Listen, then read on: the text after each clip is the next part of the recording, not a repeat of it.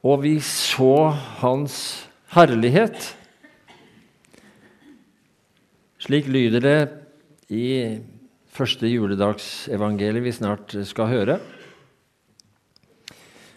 På julaften så lyder det litt eh, annerledes. Da hører vi altså i teksten fra Betlehemsmarkene om noen hyrder som sto og diskuterte hva de eh, skulle gjøre etter denne utrolige engleopplevelsen som de nettopp hadde hatt, og som da hadde skjedd, og det som da hadde skjedd inne i landsbyen like ved. La oss dra inn til Betlehem og se på dette, da, sa de til hverandre. Og da de kom inn og fant Maria og Josef og det lille barnet, så står det at da de fikk se ham, så fortalte de alt som var sagt om dette barnet. De så ham med sine egne øyne. Sannelig litt mer enn det vi gjør. Men også i dag, altså, på første juledag, så står det noe om å se Jesus. Men på en ganske annen måte. Og ordet ble menneske og tok bolig blant oss, og vi så hans herlighet. Hyrdene de så altså Jesus, frelseren, med sine fysiske øyne. Ja, er det mulig å se noe med noe annet enn våre fysiske øyne? spør vi. Ja, det er det. Du kan jo bare tenke på f.eks. en som eh, har blitt blind i voksen alder. Eh, hvordan han eller hun nærmest kan eh, se og gå omkring eh, i huset som eh, hun har bodd i i alle år, selv om alt er mørkt for henne. Fordi hun er så godt kjent med huset.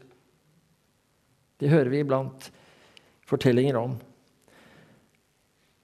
På samme måte som vi som ikke kan se Jesus med våre fysiske øyne i dag, likevel se Hans herlighet, som det sto. Se og kjenne Hans frelse, Hans fred, Hans nåde. Fordi vi kjenner Han jo. Vi kjenner Han. Vi vet hvem Han er. Akkurat det er det sikkert mange av dere som kan bekrefte. Ja, sånn er det. Sånn er det. Og akkurat det er vår bønn for denne gudstjenesten. At det er Jesus, hans herlighet, vi kan få et lite glimt av, få se enda en gang. Men før vi skal høre evangeliet, skal vi reise oss og synge høytidsverset på nummer 34.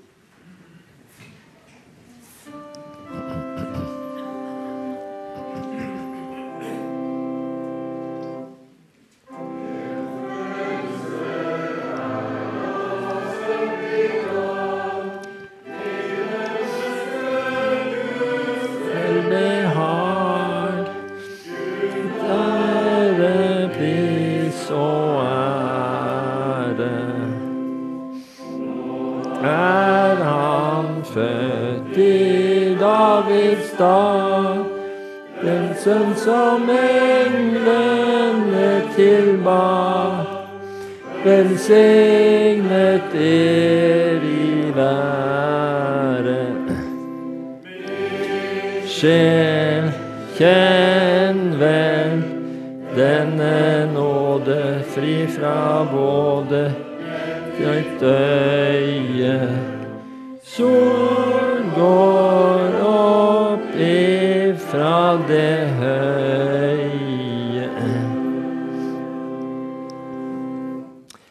Dette hellige evangelium står skrevet hos evangelisten Johannes i det første kapittel fra vers 1. I begynnelsen var Ordet. Ordet var hos Gud, og Ordet var Gud. Han var i begynnelsen hos Gud. Alt er blitt til ved ham. Uten ham er ikke noe blitt til.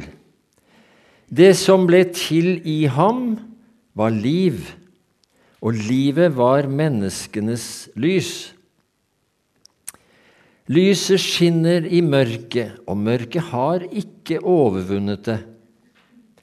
Et menneske sto fram, utsendt av Gud. Navnet hans var Johannes. Han kom for å vitne. Han skulle vitne om lyset, så alle skulle komme til tro ved ham. Selv var han ikke lyset, men han skulle vitne om lyset. Det sanne lys, som lyser for hvert menneske, kom nå til verden. Han var i verden, og verden er blitt til ved ham. Men verden kjente ham ikke. Han kom til sitt eget, og hans egne tok ikke imot ham. Men alle som tok imot ham, dem ga han rett til å bli Guds barn, de som tror på hans navn. De er ikke født av kjøtt og blod, ikke av menneskers vilje, ikke av manns vilje, men av Gud. Og ordet ble menneske og tok bolig iblant oss, og vi så hans herlighet. En herlighet som den enbårne sønn har fra sin far, full av nåde og sannhet. Ja, vi priser deg, Herre, at du er vår Gud, vår Far, og Jesus, du er vår bror. Og vi takker deg at du er full av nåde og sannhet. Herre, la oss få se det i dag. Amen.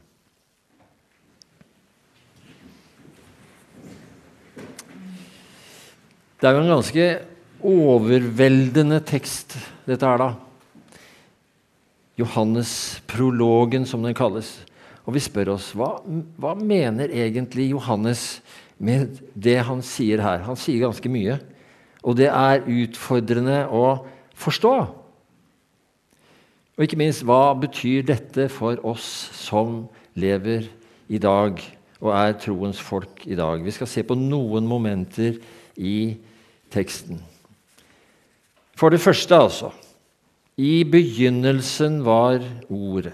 Ordet var hos Gud, og ordet var Gud.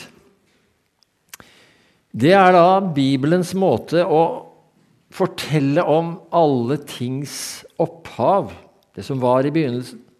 Starten på virkeligheten, om du vil.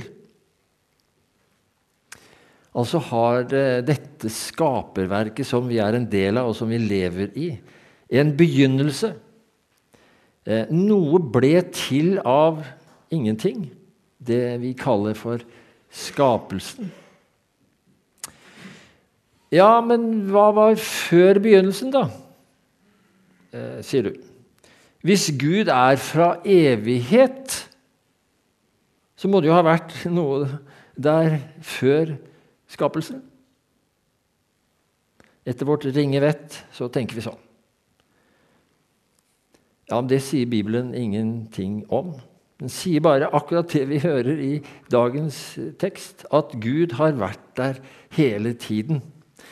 Men det fatter ikke vår tanke at noe alltid har eksistert. Og så er det egentlig akkurat dette som en del forskere i dag prøver å gjøre. Å gå tilbake til begynnelsen. De prøver å finne ut litt mer om hvordan universet var, så ut, eh, tett opp til altets begynnelse for omkring 14 milliarder år siden eller så. Altså rett før det såkalte Big Bang, som jo er en av teoriene for verdens tilblivelse. Ja, hva kan, hva kan forskerne finne ut da? Vil de f.eks. kunne finne ut om ordet som vi hørte om, var fra den tida? Begynnelsen?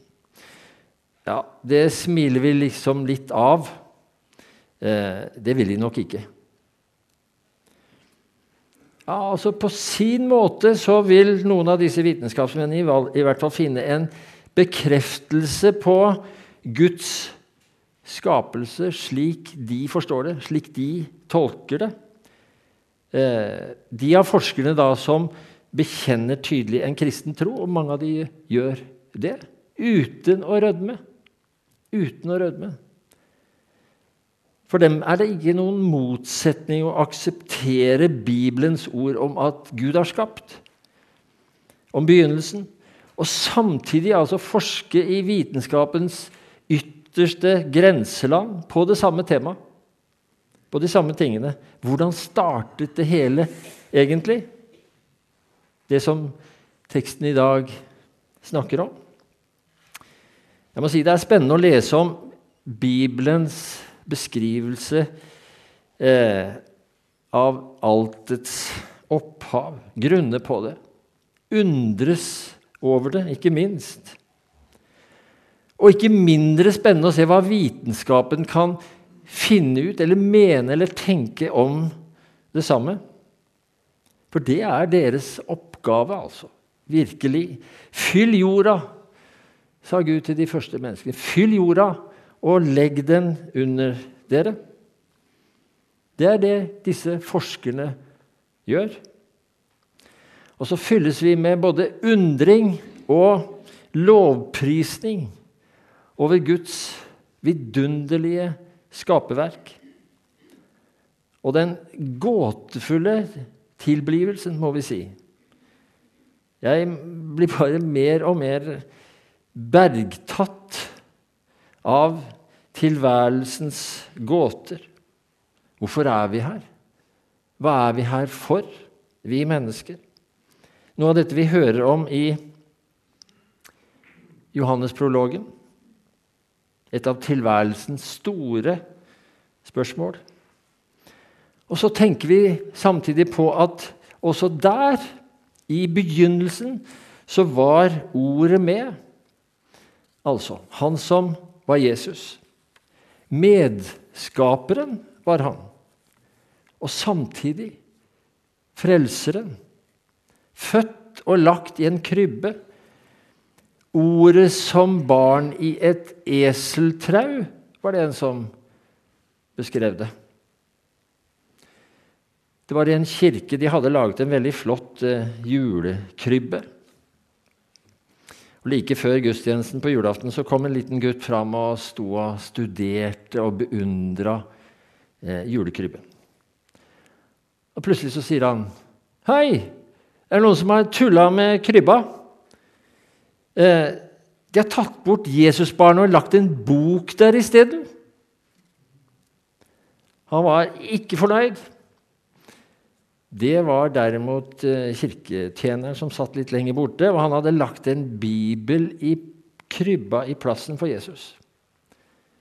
Og det var jo virkelig en sterk illustrasjon og en påminnelse egentlig om nettopp dette at ordet ble menneske og tok bolig midt iblant oss. I barnet Jesus. I Guds ord, Bibelen. Og for det andre Det sanne lys som lyser for hvert menneske, kom nå til verden, hørte vi. Men så står det altså like etterpå Han kom til sitt eget, men hans egne tok ikke imot ham. Hva var det som var skjedd? Det var jo altså ikke sånn fra begynnelsen. Da var jo alt såre godt, som det sto. Men så gikk det altså ikke lenge før vi tråkket over grensen til det onde. For vi elsket mørket mer enn lyset, som Johannes sier et annet sted. Hvor utrolig det enn kan høres. Hvem er det som kan elske mørket mer enn lyset? Det skjønner vi ikke. Og Samtidig må vi jo erkjenne det er jo sant. Det finnes også et mørke i oss. Et element av urett, av ukjærlighet, av motvilje mot det gode. men av vilje til det onde, finnes i oss. Dette er ikke hele meg, men det er en del, utvilsomt en del av sånn jeg er. Du trenger altså ikke være en kristen for å erkjenne det. En som jeg snakker med ganske jevnlig, som regner seg som en ateist, han erkjenner også det veldig klart. Han sier det er noe i oss mennesker som trekker mot det onde. Ja, det er sant. Og det vet vi ødelegger så utrolig ofte mitt forhold til andre mennesker. Og enda mer alvorlig det ødelegger mitt forhold til Gud. Det er som, nesten som et ekko av Paulus når han sier et sted Det gode som jeg vil, det gjør jeg ikke. Og det onde som jeg ikke vil, det gjør jeg. Og så er det som man roper ut 'Jeg ulykkelige menneske, hvem skal fri meg fra denne dødens kropp?' Og det fører oss til det siste momentet, som virkelig er det frydefulle budskap på denne juledag, som lyder sånn. Men alle som tok imot ham, dem ga han rett til å bli Guds barn.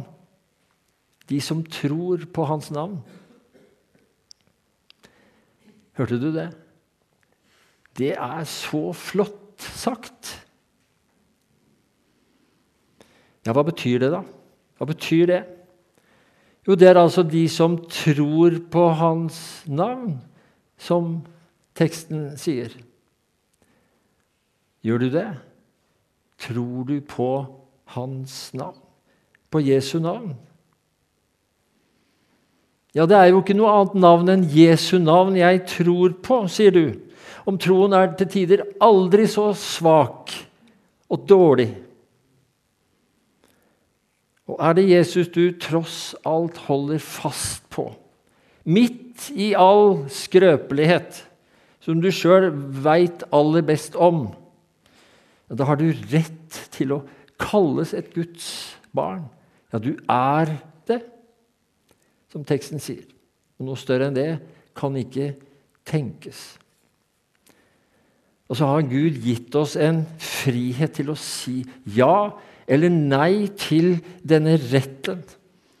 Til å ta imot denne frelsen som julen bringer. Han tvinger det ikke på en eneste en av oss. I Grunnlovens, Norges grunnlovs paragraf 20 står det følgende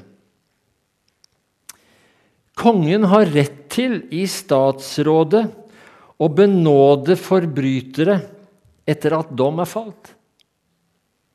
Jeg tror ikke det skjer så ofte i Norge, men det står der.